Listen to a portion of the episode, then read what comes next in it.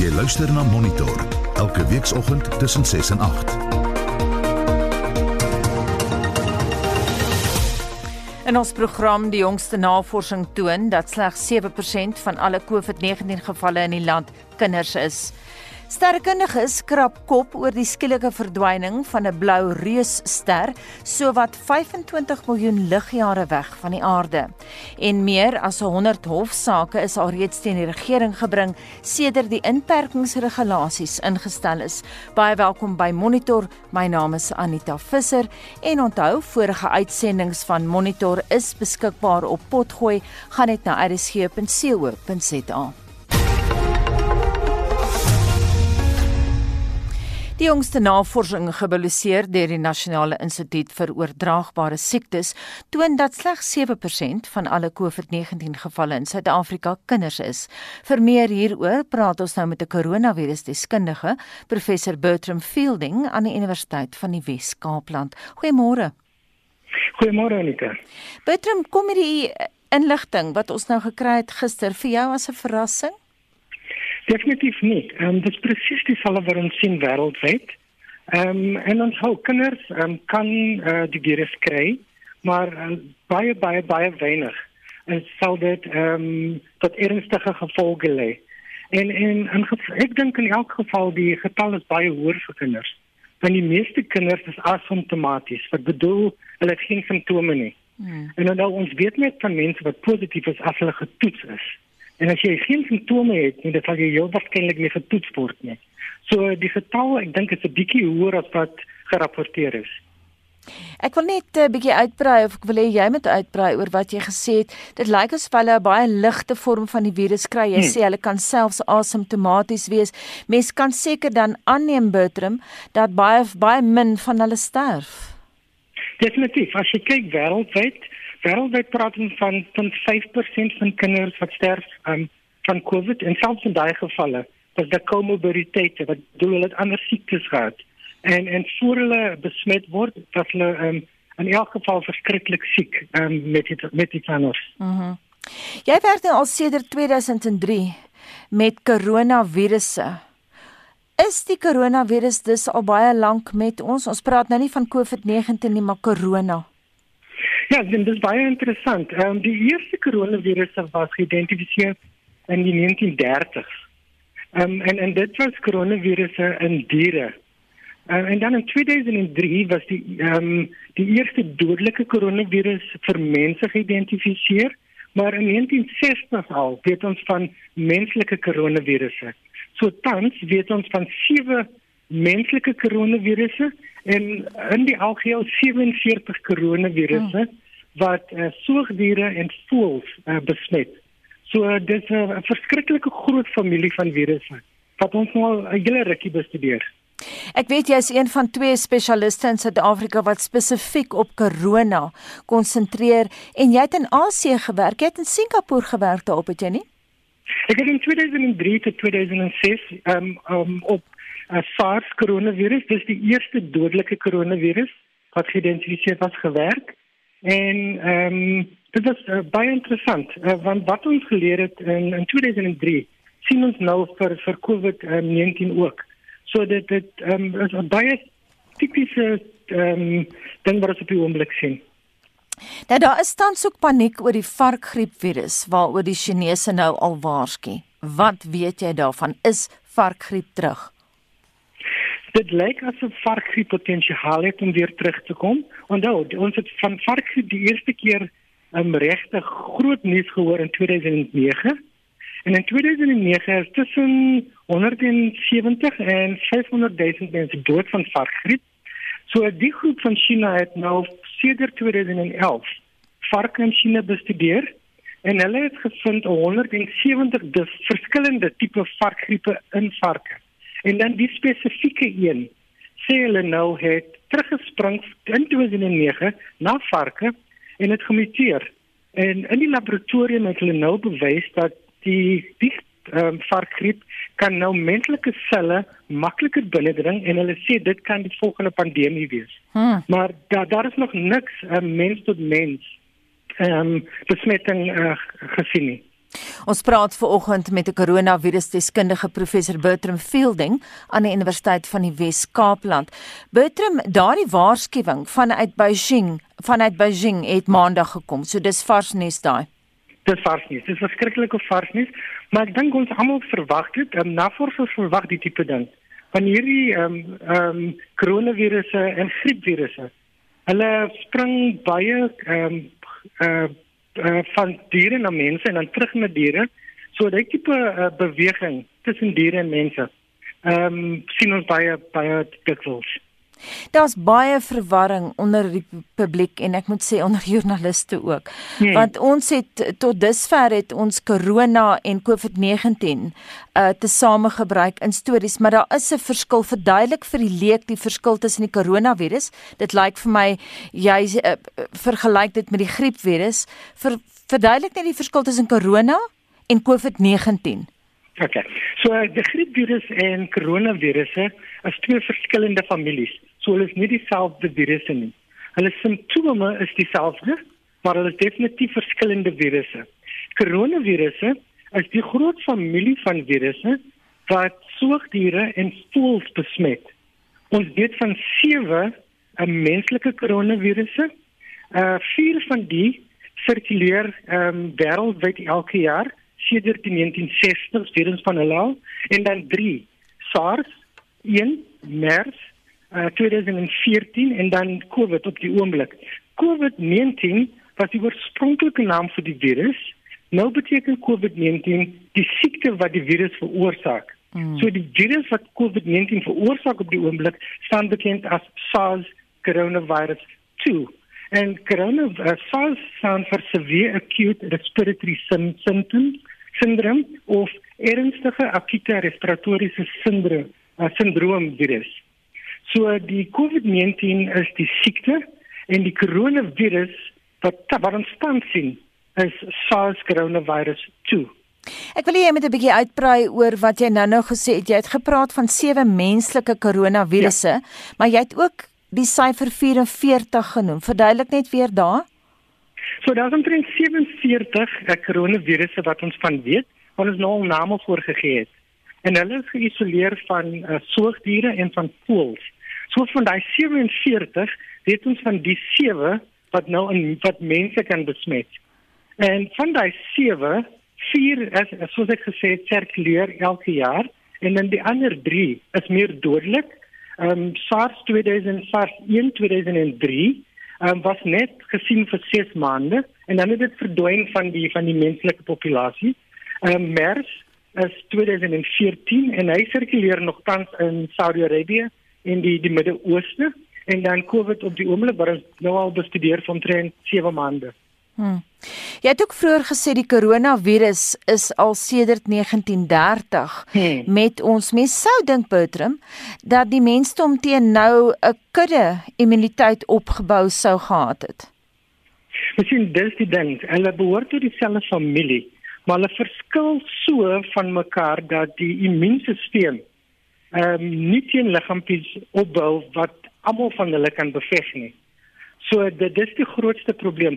En interessant, as jy jou jou jou hond of jou kat na jou veearts bevat vir inentings, lees die label volgende keer. Die die die inentingsstof bevat koronavirus inentings. So uh, ons lewe met diere wat ook koronavirusse ehm um, hulle eie koronavirusse het. Hmm. So uh, en, en dis hoekom ons die die die beweging van koronavirusse van diere na mense uh, verwag en ons sien dit so af en toe. Hoeveel mense moet COVID-19 kry om 'n kudde immuniteit in die land op te bou? 60, 70%? Wat? So die slim die slim mense sê dat um, ons so ten minste so 60% van ons van ons mense moet uh, blootgestel wees 60. en dan 60% en dan teenliggaampies opbou. Die grootste bekommernis op die oomblik, daar is nou um, groepe wat sê al bou jy teenliggaampies op, daai teenliggaampies verdwyn weer van jou liggaam, wat dan beteken jy kan weer besmet word.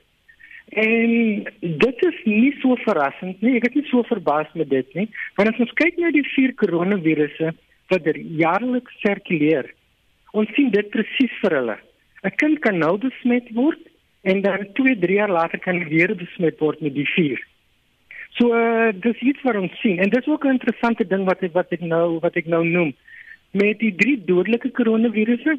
Ehm um, as kinders ehm um, nie hoë risiko nie, maar met die ander vier word hulle meer besmet as ouer mense. Hmm. So dis die verskil tussen daai drie dodelikes en die die vier gewone koronavirusse. Is dit net met die koronavirus waar mens nie immuniteit opbou nie? Jy sê nou mens kan dit kry, dan kan jy dit weer oor 3 jaar kry want die teenliggaampies hmm. verdwyn. Maar dis nie ja. die geval met ander siektes nie. Is dit byvoorbeeld nee. pampoentjies of wat ook al? Nee, so so so dis die probleem. So uh met die koronavirus en ons weet nog nie hoekom nie. So dit word nog bestudeer en die die data op die oomblik is nog verskriklik uh, vroeg. So dit moet nog bevestig word. Maar dit lyk selfs in die 2003 toe mense wat uh, besmet was en teenliggaampies opgebou 2 jaar later weer bestudeer was met die teenliggaampies weg. So wat beteken dit vir vir 'n inentingsstof op die einde? Mm. dit lyk asof ons elke 2 3 4 jaar weer miskien ingeënt moet word. So dit is 'n bietjie kommerwekkend ehm um, maar ons sal sien hoe dinge uitspeel Hm. Jy sê nou dat van die data oor corona moet nog bevestig word. Mens kry die hmm. idee, ek praat nou as joernalis, as jy nou met medisy praat. Almal sê vir ons op monitor alles op 'n leerkurwe. Trouens ons ja. bevind dat baie van die wetenskaplikes met wie ons deeglike onderhoude voer, lang onderhoude, hulle stem nie met mekaar saam oor corona nie. Presies. En ek dink die grootste probleem is ehm um, as deskundiges vergeet ons soms dat dit nie die eerste koronavirus is nie.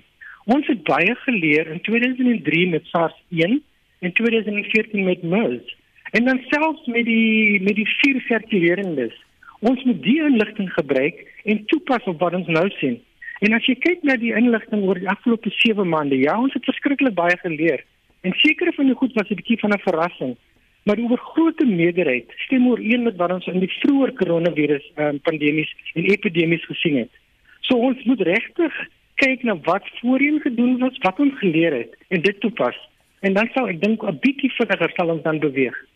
Ons praat veraloggend met 'n koronavirusdeskundige professor Bertram Fielding aan die Universiteit van die Wes-Kaapland. Bertram, jy sê sommige van die goed wat ons nou van jaar geleer het van Februarie af, was 'n bietjie van 'n verrassing, soos byvoorbeeld wat?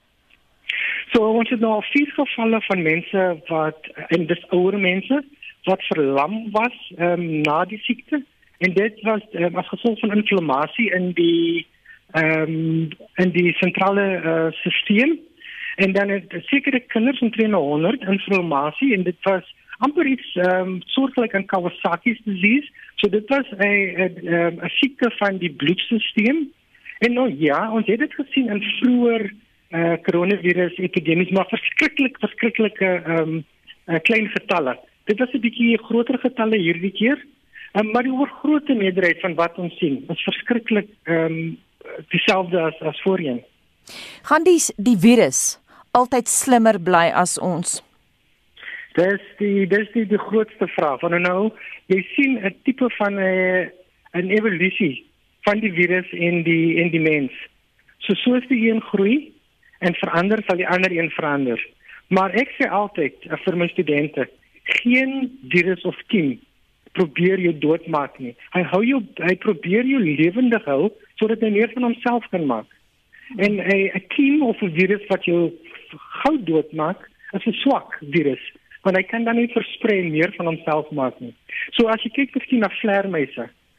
Elke jaar bestudeer na wetenskaplike vleermuise en ons praat van honderde koronavirusse wat ons nog moet bevestig ehm um, en 'n name gee en studeer in die laboratorium wat gevind word in hierdie ehm um, vleermuise. Nou die interessante ding is die vleermuise word nooit siek nie. So hulle het die virus, maar geen simptome nie. Hmm. En maar hulle kan die simptome oordra na ander diere wat dan spring na mense toe. So ek dink ons sal dieselfde tipe ding sien waar ons ehm um, die simptome sal seker bietjie minder word en die vier sirkulerende ek dink dit is 'n goeie voorbeeld. Hulle op hulle ergste kan hulle dodelik wees, maar jy sien na 1-2 gevalle per jaar. En die oorgrootste meerderheid ver, uh, veroorsaak hulle net verkoues in die mense wat hulle besmet. Hmm. Jy verwys nou na die evolusie hmm. van die virus. gewone mense leuke praat sommer van 'n mutasie. Is dit een en dieselfde ding?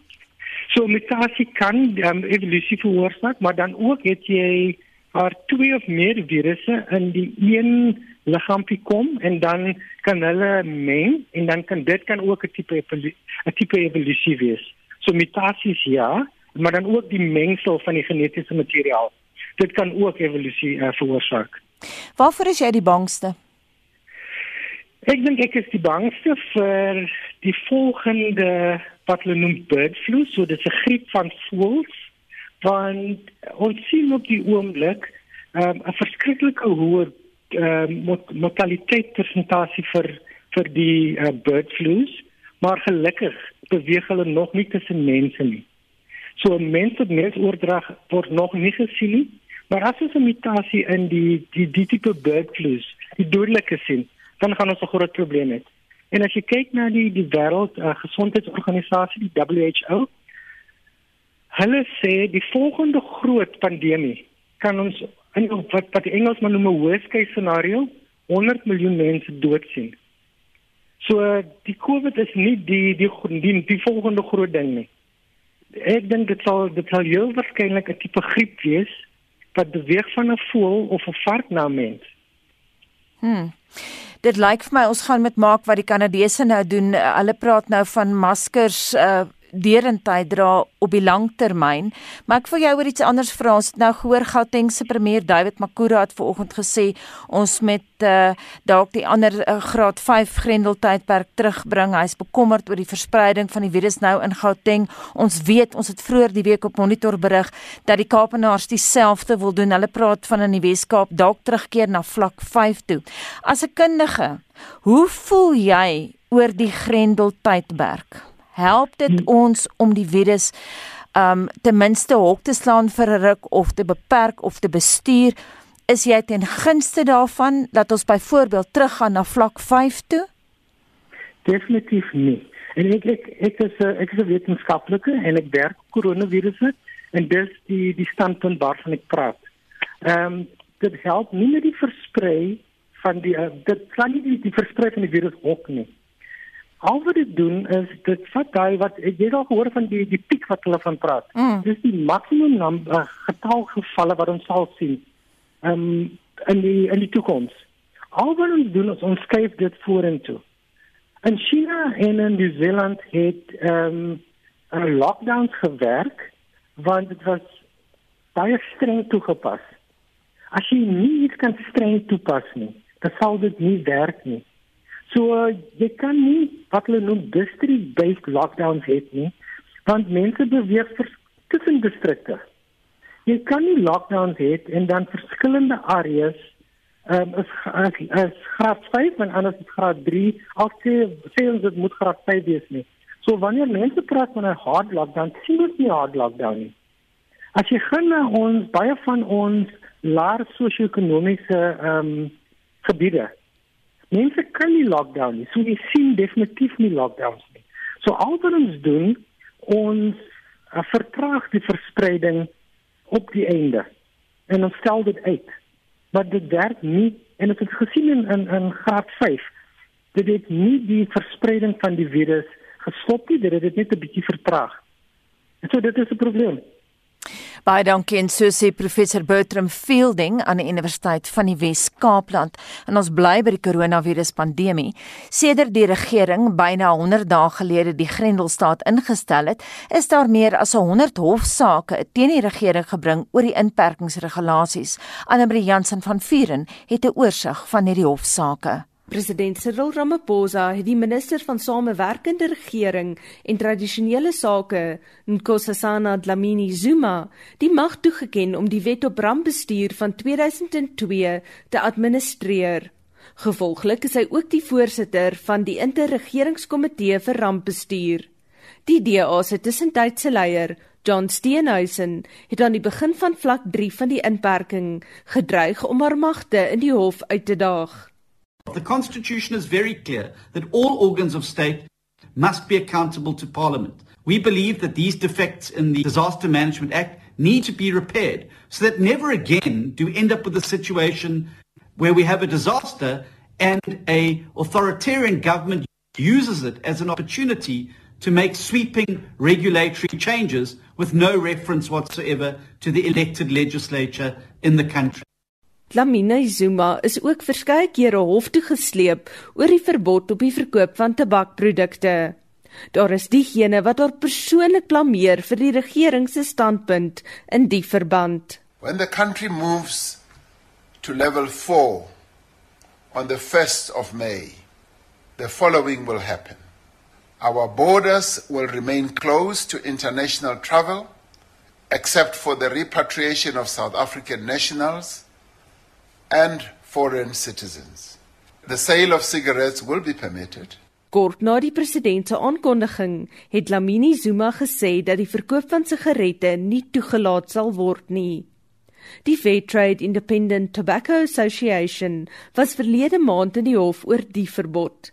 Vita se voorsitter, Sinen Glagla Mnguni, Our main point of contention is the fact that the Disaster Management Act does not empower the minister to enact regulations which ban, amongst other things, the sale of cigarettes. Uh, we further then question the rationality of the ban in that there were many aspects which the minister failed to consider. We look at proportionality, we look at the global standard, we look at the health implications in as far as smokers are concerned, the burgeoning of the illicit trade, the loss to the fiscus, many other issues. Die hof het egter die saak van die hand gewys. British American Tobacco South Africa se hofsaak oor die verbod word volgende maand aangehoor. Die DA parlementslid, Kathleen Labeskagni, het weer beweer dat die verbod tot voordeel van die minister se vriende is.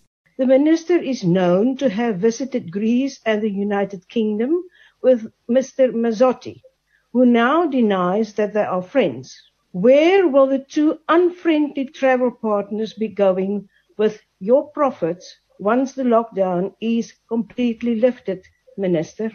'n Aanduiging wat die minister ontken. I must also put it on record I'm not Mazotti's friend. And secondly, if anyone is doing crime in South Africa, they must be arrested. Whatever crime, whether they are crime on cigarettes or crime on what, those people who are doing crime must be arrested. Afriforum het die gedwonge kwarantyne van ongeveer 100 mense in die Zita Biseni kwarantainekamp naby Groblersdal in Mpumalanga suksesvol in die hof uitgedaag. Die hoof van Afriforum se veldtogte, Monique Taute, The national regulations give the state the power to force people without their permission into quarantine, even under circumstances where the person may be able to effectively self isolate. This gives law enforcers and the state too much power under the guise of combating the spread of the virus. The moment that the state starts violating people's basic rights in terms of dignity, freedom of movement, and security of person, it becomes easy to justify these violations in the future. Uitspraak word nog verwag in die regering se appel aansoek teen 'n beslissing van die Hooggeregshof in Pretoria wat sekere inperkingsregulasies ongeldig en ongrondwetlik verklaar het. Ons parlementêre verslaggewer, Joseph Musia, het die verslag saamgestel en ek is Anne Marie Jansen van Vuren vir SAK nuus. Jy luister na Monitor elke weekoggend tussen 6 en 8.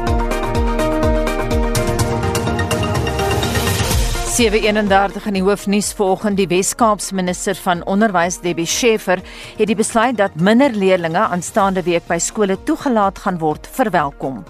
Meer as 100 hofsaake is reeds teen die regering gebring sedert die inperkingsregulasies ingestel is en president Cyril Ramaphosa het die ontplooiing van 20 000 soldate verleng wat hulp verleen in die stryd teen die COVID-19 virus bly ingeskakel.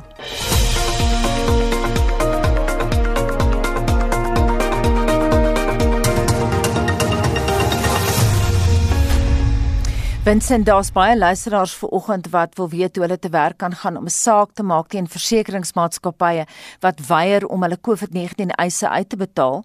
Nou ek wil net vir daai luisteraars vanoggend sê professor Birgit Kuske wat direkteur is van die eenheid vir versekeringsreg aan die Universiteit van Pretoria is besig met 'n groepsaksie en die prokureurs wat daarmee werk is Stemela Lubbe Prokureurs in Pretoria S T E M E L A Lubbe Prokureurs en jy kan daar gesels met Wilna Libbe en dan kan jy ook 'n e-pos stuur na business interruption claims Uh dis nou by africamail.com. Ek herhaal dit, dis business interruption claims, alles die drie woorde saam in een by africamail.com. Uh, en die groepsaksie, uh dis nie 'n klasaksie nie, dis 'n groepsaksie word gedryf deur die Universiteit van Pretoria se professor Birgit Kuschke. Vincent. Right. Dankie vir daai insiggewende inligting Anita. Ehm um, ons luisteraars het dan ook vir ons tyd en wil vir ons lekker stemnotas gestuur. Kom ons hoor gou wat hulle te sê oor hierdie nuwe oor die skole wat moontlik volgende week heropen. Daar is niks belangriker as 'n kind se opvoeding vir enige ouer nie, maar nog meer as vir die onderwyser. Weet jy wat, ons is so positief en dit gaan so goed by ons skole in die Oeverberg dat ek wil regtig vir julle sê moenie bekommerd wees nie. Elke onderwyser doen sy bes. Daarom meneer, betaal jou skoolfonds, want net soos jy 'n salaris moet verdien om jou brood en melk te koop, moet elke onderwyser dit doen. Elke onderwyser het opvoeding in sy hart en ons doen alles in ons vermoë om u kind veilig te hou en u kind te leer. Ek en my vrou besluit ons gaan maar die 1 jarige lei in elke geval by die huis hou of in skool opgaan of dan not. Man kyk ek is tog so dankbaar vir die mense wat nie hulle kinders wil skool toe stuur nie. Dit gee vir my kind soveel meer spasie vir sosiale distansiering. Pastoor Kobus Olofse, Alexander Bay. Ja, ek glo sekere skole sal gereed wees veral hier in die Noord-Kaap op die plattelandse plekke Springbok Alexander Bay, Oukie, Nababi. Maar my kommer is is die skole in die groter plekke. Johannesburg, Durban, Kaapstad is hulle gereed daarvoor want die storm begin nou eers.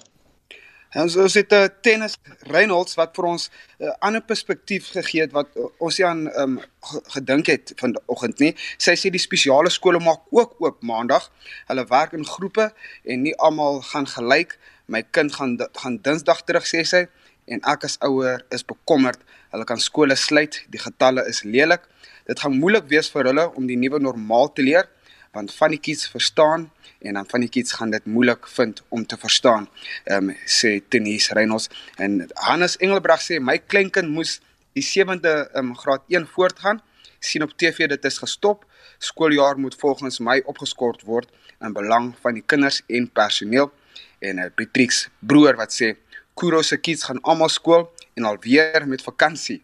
En dan sê Anet Roo die onderwysers se salarisse moet gestop word, dan sal julle sien hoe vinnig maak skole oop en daar is lekker lekker reaksie op Facebook um, op op haar mening. Ja, ek wil nie verder lees daarin gaan nie, maar voor agter ons weer terug met meer terugvoer. Ons wil by jou weet indien jou kind reeds terug by die skool is, hoe ervaar hulle die nuwe normaal? Hoe moet hulle aanpas? En was daar 'n geval waar die skool moet sluit weens 'n positiewe geval? En watter raad het jy vir ouers wat maandag hul kinders moet skool toe vat?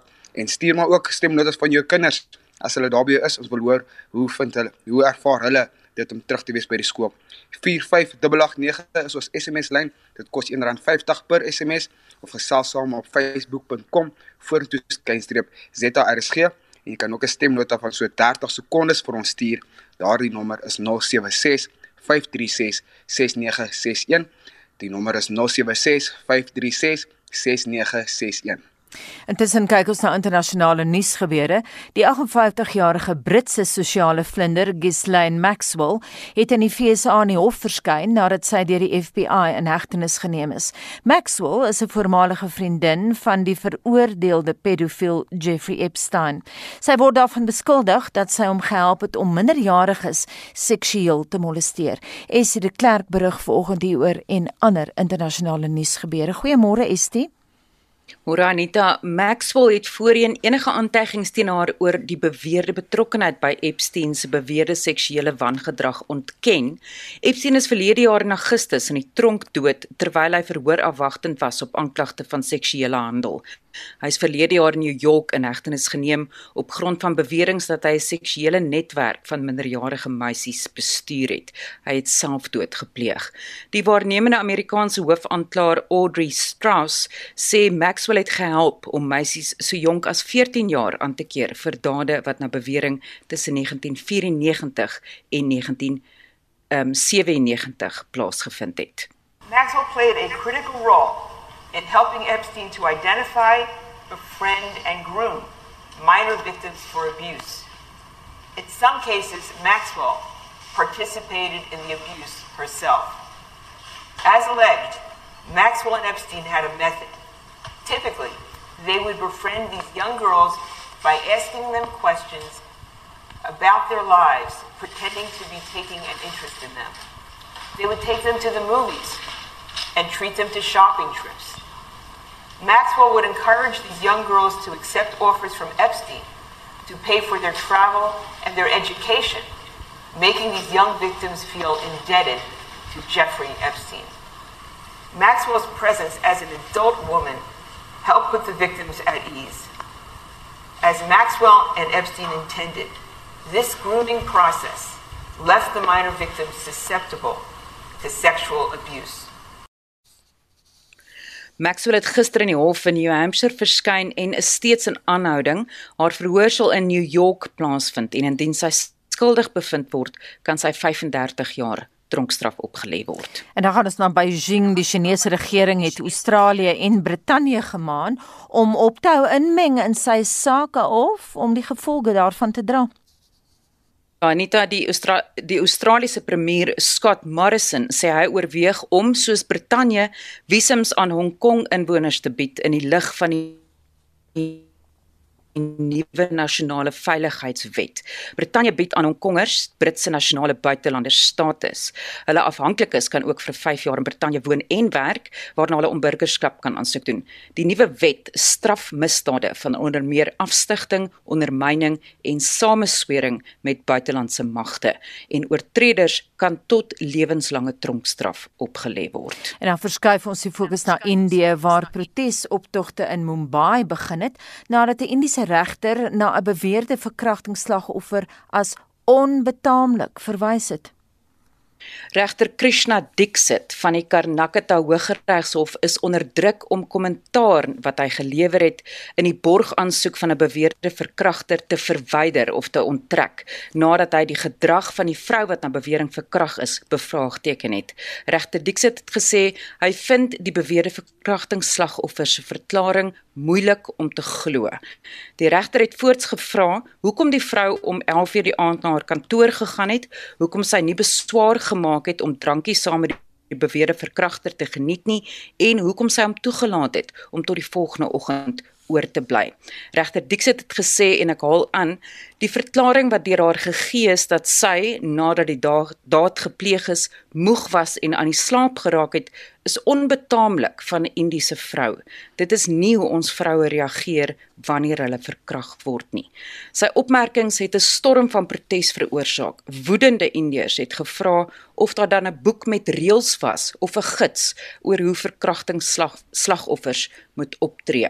'n Senior prokureur wat in Delhi woon, Aparna Bhatt, het 'n oop brief aan Indië se hoofregter en drie vroue regters van die Appelhof geskryf hieroor en sy het gevra of daar 'n sekere protokol is wat verslag, eh, wat verkrachtingsslagoffers volgens wet moet volg waarvan sy dalk nie bewus is nie.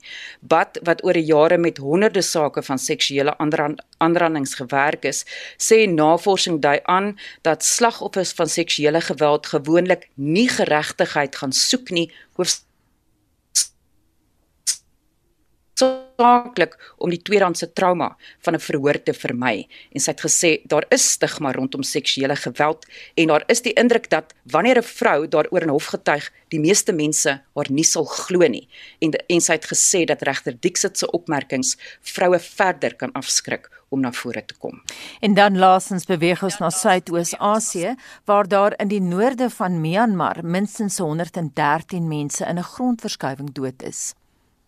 Ja, dis veroorsaak deur 'n mynhoop wat meegegee en in 'n meer beland het. Die impak daarvan het 'n reuse moddergolf en oorstromings tot gevolg gehad en minstens 100 lyke is opgespoor maar talle mense word nog vermis. Die owerheid vrees dat meer mynwerkers van die nabygeleë Groenkwartsmyn meegesleer is. En dit was Essie de Klerk met 'n oorsig van internasionale nuusgebeure en van internasionale nuus verskuif ons nou die fokus na die sportveld en ons praat met RSG se Pieter van der Berg. Goeiemôre Pieter. Môre Anita. Gee vir ons terugvoer oor wat die laaste dag of wat gebeur het op die sportveld voordat ons kyk na wat voor lê die naweek. Ja ja, daar was natuurlik goeie cricketnuus gewees. Die drie span solidariteitsbeker wedstryd se nuwe datum is bekend gemaak. Die drie spanne met die top 24 spelers in die land onder leiding van Aby de Villiers, Kagiso Rabada en Quentin de Kock nou op 18 Julie kragte met. Daar is dus drie spanne wat in twee helftes van 18 balbeurte teen mekaar speel en uh, daar is net een wenner aan die einde van die dag en hierdie wedstryd sal op Supersport Park gespeel word. En gepraat van cricket dan Anita, Engeland se toetskaptein Joe Root sal volgende week se eerste toets teen die Wes-Indiese eilande misloop. Hy en sy vrou wag op die geboorte van hulle tweede kind. Die nuwe kaptein sal Ben Stokes wees wat dan Engeland sal aanvoer in die wedstryd. Pieter, is daar enige uitslae in die afgelope dag of wat waarvan ons moet kennis dra? Ja, die vierde golftoernooi in die Amerikaanse PGA reeks sê dat inperking het gister begin. Dis die Rocket Mortgage Classic in Detroit.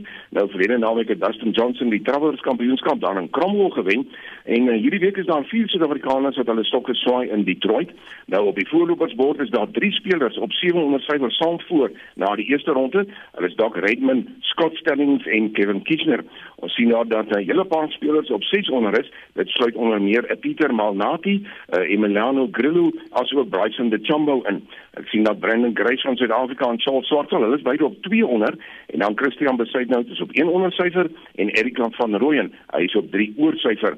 Dan in sokker het die groot kamp die groot kanonne gisterand kragtig gemet en die nuut gekroonde kampioen Liverpool het 'n groot pak slag gekry. Man City, wat die vorige kampioene was, het vir Liverpool met 4-0 afgestof en hy sit hier reeds voor uh, rustyd 3 doele aangeteken. En vroeër die aand was dit Sheffield United en Tottenham Hotspur wat kragtig gemeet het en United was daar aan die wenkant met 3 doele teenoor 1. Op die punte leer nou Liverpool is op 86 punte, Man City wat uh, in die tweede plek is het 66 gevolg deur Leicester City, hulle het 55 punte op die punte leer. En dan week 4 van die nuwe Aotearoa rugby kompetisie in Nieu-Seeland breek die naweek aan. Watter spanne is in aksie? Ja, môre word die eerste wedstryd van die naweek gespeel. Dis die Highlanders en die Crusaders. Hulle sal om 5 oor 9 Suid-Afrikaanse tyd op die veld draf en dan Sondag kom die Chiefs teen die Hurricanes te staan en dis om 25 minute voor 6 die oggend. Op die huidige punte leer die Blues, hulle is die voorlopers met 12 punte. Hulle het 'n loslootjie hierdie naweek. Die Crusaders is tweede met 9 punte, die Highlanders derde met 5, gevolg deur die Chiefs en die Hurricanes. En dan baie interessant aan Italië Aussies se eie Super Rugby reeks begin vandag. Dit beteken dat al vier spanne in aksie gaan wees daar in Australië. In die eerste wedstryd vandag om 5 minute oor 11 is die Reds en die Waratahs wat in Brisbane kragte met en môre om 'n kwart oor 11 die oggend in Canberra sal die Brumbies en die Rebels op die veld draf. En terwyl ons oor rugby gesels voor die wet is aangekondig dat die wêreld sewe reeks se laaste 4 toernooie gekanselleer is, dit beteken natuurlik dat Nieu-Seeland die kampioenspan is vir die jaar met die Blitsbokke wat in die tweede plek eindig. En dan sien ons dat eh uh, Tsiriboy Relapela die uh, springbok aangedui dat hy appeleer of gaan appeleer teen sy 8 jaar skorsing wat hom opgelê is nadat hy positief getoets is vir die gebruik van anaboliese steroïde en dit was Zeranol wat in sy bloed getoets is. Indien ek reg onthou Pieter, het jy maandag genoem dat Formule 1 motorwedrenne ook hierdie naweek begin. Ja, nie dan jy's reg behalwe die rugby en die golf waaroor ons gesels het, sit motorwedrenning vir driftig is gereed vir Sondag se eerste Formule 1 wedren na inperking. Dis die Oostenrykse Grand Prix dit sal om 10 oor 3 die middag daar in Spielberg plaasvind. Nou vandag sal daar twee oefensessies wees en môre een en dan môre middag sal die kwalifikasie plaasvind om die wegspringrooster te bepaal. Max Verstappen van Red Bull, hy gaan poog om sy drie kuns van oorwinnings daar in Oostenryk te behaal. En dan in die Engelse Premier League gaan daar môre vyf wedstryde en Sondag vier wat geskeduleer is. Onder meer môre is dit Man United wat teen Bournemouth speel en Sondag is die kampioenspan nuut gekroonde kampioene Liverpool. Is hulle weer op die veld in een van daardie vier wedstryde en hulle sal teen Aston Villa op die veld draf. En dit was Pieter van der Berg met RSG se sportsake. Sterrekundiges krap behoorlik kop oor die skielike verdwyning van 'n blou reusster so wat 75 miljoen ligjare weg van die aarde in die Kenman dwerggalaksie wat hom in die waterdraer konstellasie bevind. Vir meer hieroor praat ons nou met Dr Pieter Kotse, navorsingsgenoot by die Suid-Afrikaanse Nasionale Ruimteagentskap op Hermanus. Goeiemôre Pieter. Hallo, goeiemôre Anita. Wat weet ons van die ster?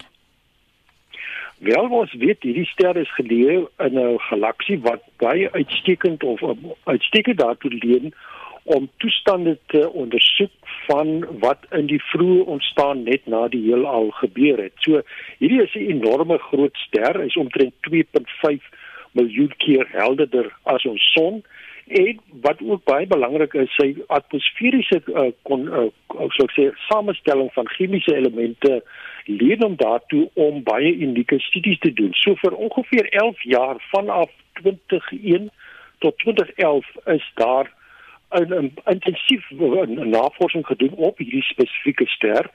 Daar's veral waargeneem dat enorme ontploffings of uh, uitbarstings op hierdie spesifieke ster plaasgevind het in hierdie tyd.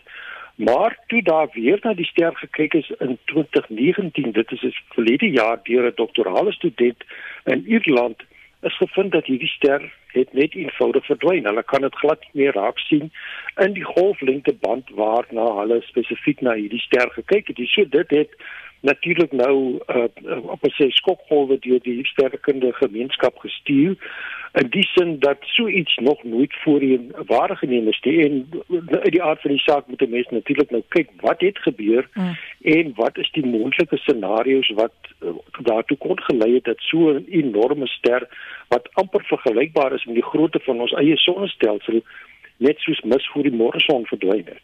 Dink jy dis dalk agter 'n gaswolk? Ja, dit is 'n moontlikheid. Ek het drie scenario's wat ek dink moontlik kan wees. Die eerste is dat hierdie uh seker ster soemloos verdwyn het of oorgegaan het in 'n gravitasiekolk. Nou dit is op sigself uiters uniek. Dit het nog nooit voorheen plaasgevind nie wat normaalweg verwag 'n mens dat so 'n ster eers 'n supernova uh, stadium sal deurgaan en met 'n enorme vrystelling van energie en lig wat vir 'n hele lang tyd sigbaar kan wees en dan éventueel of 'n neutronster of 'n gravitasiekolk ingaan. Die tweede is natuurlik dat hierdie ster moontlik amper soos 'n ou vibrasie in mekaar gestort het en dus in stukke opgebreek het en nou daar lê en dat ons dit eintlik nie kan raak sien nie. Dis ook 'n moontlikheid, maar dan sal daar moet meer navorsing gedoen daar word. Die tweede uh, of die laaste moontlike scenario en dit is die een wat ek moontlik dink wat heel waarskynlik gaan gebeur het is dat hierdie uh, spesifieke ster het uit sy eie uh, energie uitgeraak. Hy het 'n enorme klomp gaswolke uitgestraal en nou skuil hy amper soos 'n flou donkie agter hierdie bos of gaswolk en ons kan hom basies nie raak sien nie. So die eintlike doel wat of volgende stap sal moet wees om langer golflengtes te gebruik. Dit wil sê amper soos 'n mense die ou daai jou mislig aangesit het om in die uh, in 'n missleepbus te kan sien, moet jy nou net langer golflengtes gebruik en miskien skuil hierdie uh ster nou net agter 'n groot gaswolk wat ons nou eintlik nie kan raak sien in die spesifieke golflengte gebied waar daar voorheen na die ster se Pieterster gekyk is nie. Daar's ook nou nuwe inligting bekend Pieter oor uh, die bekende rooi reus Beetlejuice nie almal spreek dit uh, dieselfde uit nie. Jy kan nou nou jou uitspraak daarvan gee. Dis nou maar slegs 500 ligjare weg van ons, dis in die Orion ster konstellasie. Wat dit beteken natuurlik mense kan hom sien met die blote oog, né nee, Pieter? En ek wil weet waaroor gaan hierdie nuwe inligting dan want hy is vir ons bekend. Ja, Beetlejuice uh, is eintlik maar die regte uitspraak daarvoor. Party mense sê dit Beetlegeuse, maar dit is uh. een van die 10 helderste sterre wat in ons uh, hemelruim snags sigbaar is. Dit is 'n baie reusagtige ster, is ongeveer 1000 maal groter as ons eie son en weeg ook ongeveer 20 maal die massa van ons eie son. Nou in die verlede en dink as hier op RSG is gerapporteer dat hierdie spesifieke uh, ster uh omtrent tussen 40 en 60% uh, verdowing ondergaan het in 'n hele in die afgelope tyd. So dit het die vermoede laat ontstaan dat hierdie ster mondelik ook op pad is na 'n supernova want kyk Betelgeuse is eintlik maar basies vir praktiese doeleindes lê hy op sy sterwensbed. Hy het nie meer 'n baie lang leeftyd oor nie. In terme van astronomiese eenhede kan dit ongeveer 100 of 1000 of selfs 'n miljoen jaar wees wat hierdie spesifieke ster nog kan leef. Maar nou het nuwe uh, waarnemings of data wat verkry is van uh, die James Clerk Maxwell teleskoop in Hawaii aangetoon dat 'n enorme 'n vlek op die oppervlakte van Betelgeuse verskyn het. Baie soortgelyk as die ons nou sonvlekke kry op die oppervlakte van ons eie son. In die geval van die son is hierdie uh vlekke omtrent so groot soos die aarde, maar in die geval van Betelgeuse oorspan hierdie uh, vlek ongeveer 70% van die oppervlakte van die uh, die ster en is ongeveer 100 keer groter as die son. So dit is uh, die moontlike in die nuutste verklaring waarom Betelgeuse so eintlik so 'n uh, aansienlike verdowwing in sy uitstralingsprofiel uh, vertoon het en dis vir ons 'n aanduiding gee dat hierdie tipe ster ook deur siklusse gaan soos wat die son deur siklusse gaan. Want dit is 'n aanduiding van die uh, aktiwiteit of die uh, interaksie van die ster se eie magneetveld wat uh, in verskillende oriëntasies verskyn en dan hierdie uh, son of uh, wil ek sê in hierdie geval 'n uh, stervlek veroorsaak op die uh, spesifieke ster. Baie dankie dit dan Dr Pieter Kotse, navorsingsgenoot by die Suid-Afrikaanse Nasionale Ruimteagentskap op Hermanus wat ons op hoogte gebring het oor wat in die hemelruim aangaan. Dis nou byna 7:55 en is hier is Leon van Heerop met die weeklikse fliekrubriek. Sy klink altyd asof sy met 'n warm patat in haar mond praat. Ja, ek verwys na Emma Thompson wie se late night nou gestroom kan word. Dis een van daai rolprente waar elke tweede kwinkslag warmer 'n stoofplaat is. Die karakters byna stereotypies verneig en die dialoog erger as soeibrand is. Thompson is die bitsige aanbieder van 'n laataan kletsprogram waar 'n span skrywers haar komedieteks vir haar skryf. Die een suurder en meer boelierig as die ander. Maar wanneer sy kritiek kry dat sy net mans as haar skrywers gebruik, stel sy 'n vrou aan net om politiek korrek te wees. Maar kort daarna verneem sy dat sy dalk haar program gaan verloor en dat die nuwe skrywer haar moontlik kan red. Vroue wat met hul skerp hakkies mekaar so ego sprik, kwistige dialoog, rooi warm kraak nuwe sêgoed en gruwelike snaakse beledigings vlieg soos meteore deur die TV ateljee in late night. Dis 'n vermaaklike en stewige komedie wat jou sal laat lag vir die dialoog, nie noodwendig die karakters nie. Late night, nou op Netflix 7 uit 10. 'n Reeks wat redelik skokkend is, is unbelievable. En mense word weer eens daarop gewys dat daar oomblikke is wat kan ontstel en eksplisiet is. 'n Jong meisie verduidelik aan die polisie dat sy aangeraak is. Uiteindelik wil niemand haar glo nie. Unbelievable wys waardeur vroue en meisies gaan wat verkrag is, van speur tot doktersondersoeke tot perssensasie, maar niemand wil hulle glo nie. Ook hoe hulle selfbeeld en selfvertroue aangetast word. Die reeks is neerdrukkend sonder om te sensasionaliseer. Sommige aanrandingstonele is grafies geherskep en gedramatiseer. Die aanslag is nugter, maar 'n woede skemer verstaanbaar deur sommige warm tonele. Unbelievable sal jou laat raai, mag jou skok en eintlik onthuts oor veral die behandeling van slagoffers van verkrachtings. 7 uit 10 op Netflix. Baie ouers sit seker met gespanne hande op afstandbeheerders en soek na iets vir die kleingoed. Ek het die animasieprent Madagascar per ongeluk op Netflix raak gesien. Dit gaan oor 'n klomp verwaande diere wat in 'n dieretuin gepamper lang is. Selfs leeu se manare word met 'n haardroër gestileer. Die klompie ontsnap maar beland later in die bosse van Madagaskar waar hulle komies moet oorleef. Enigiemand wat die wildtuin of Afrika ken, sal hom of haarself 'n gorilla lag as hulle sien wat met die diere gebeur, veral pikkewyne en kameelperde. Madagascar of Madagaskar as jy wil, ideaal vir die kinders se stands op Netflix 7 uit 10. Lees die resensies op rsg.co.za, dan klik jy op fliekrubriek en jy sal daar ook 'n argief van my resensies aantref of luister op potgooi daarna. En so sê Leon van hierop.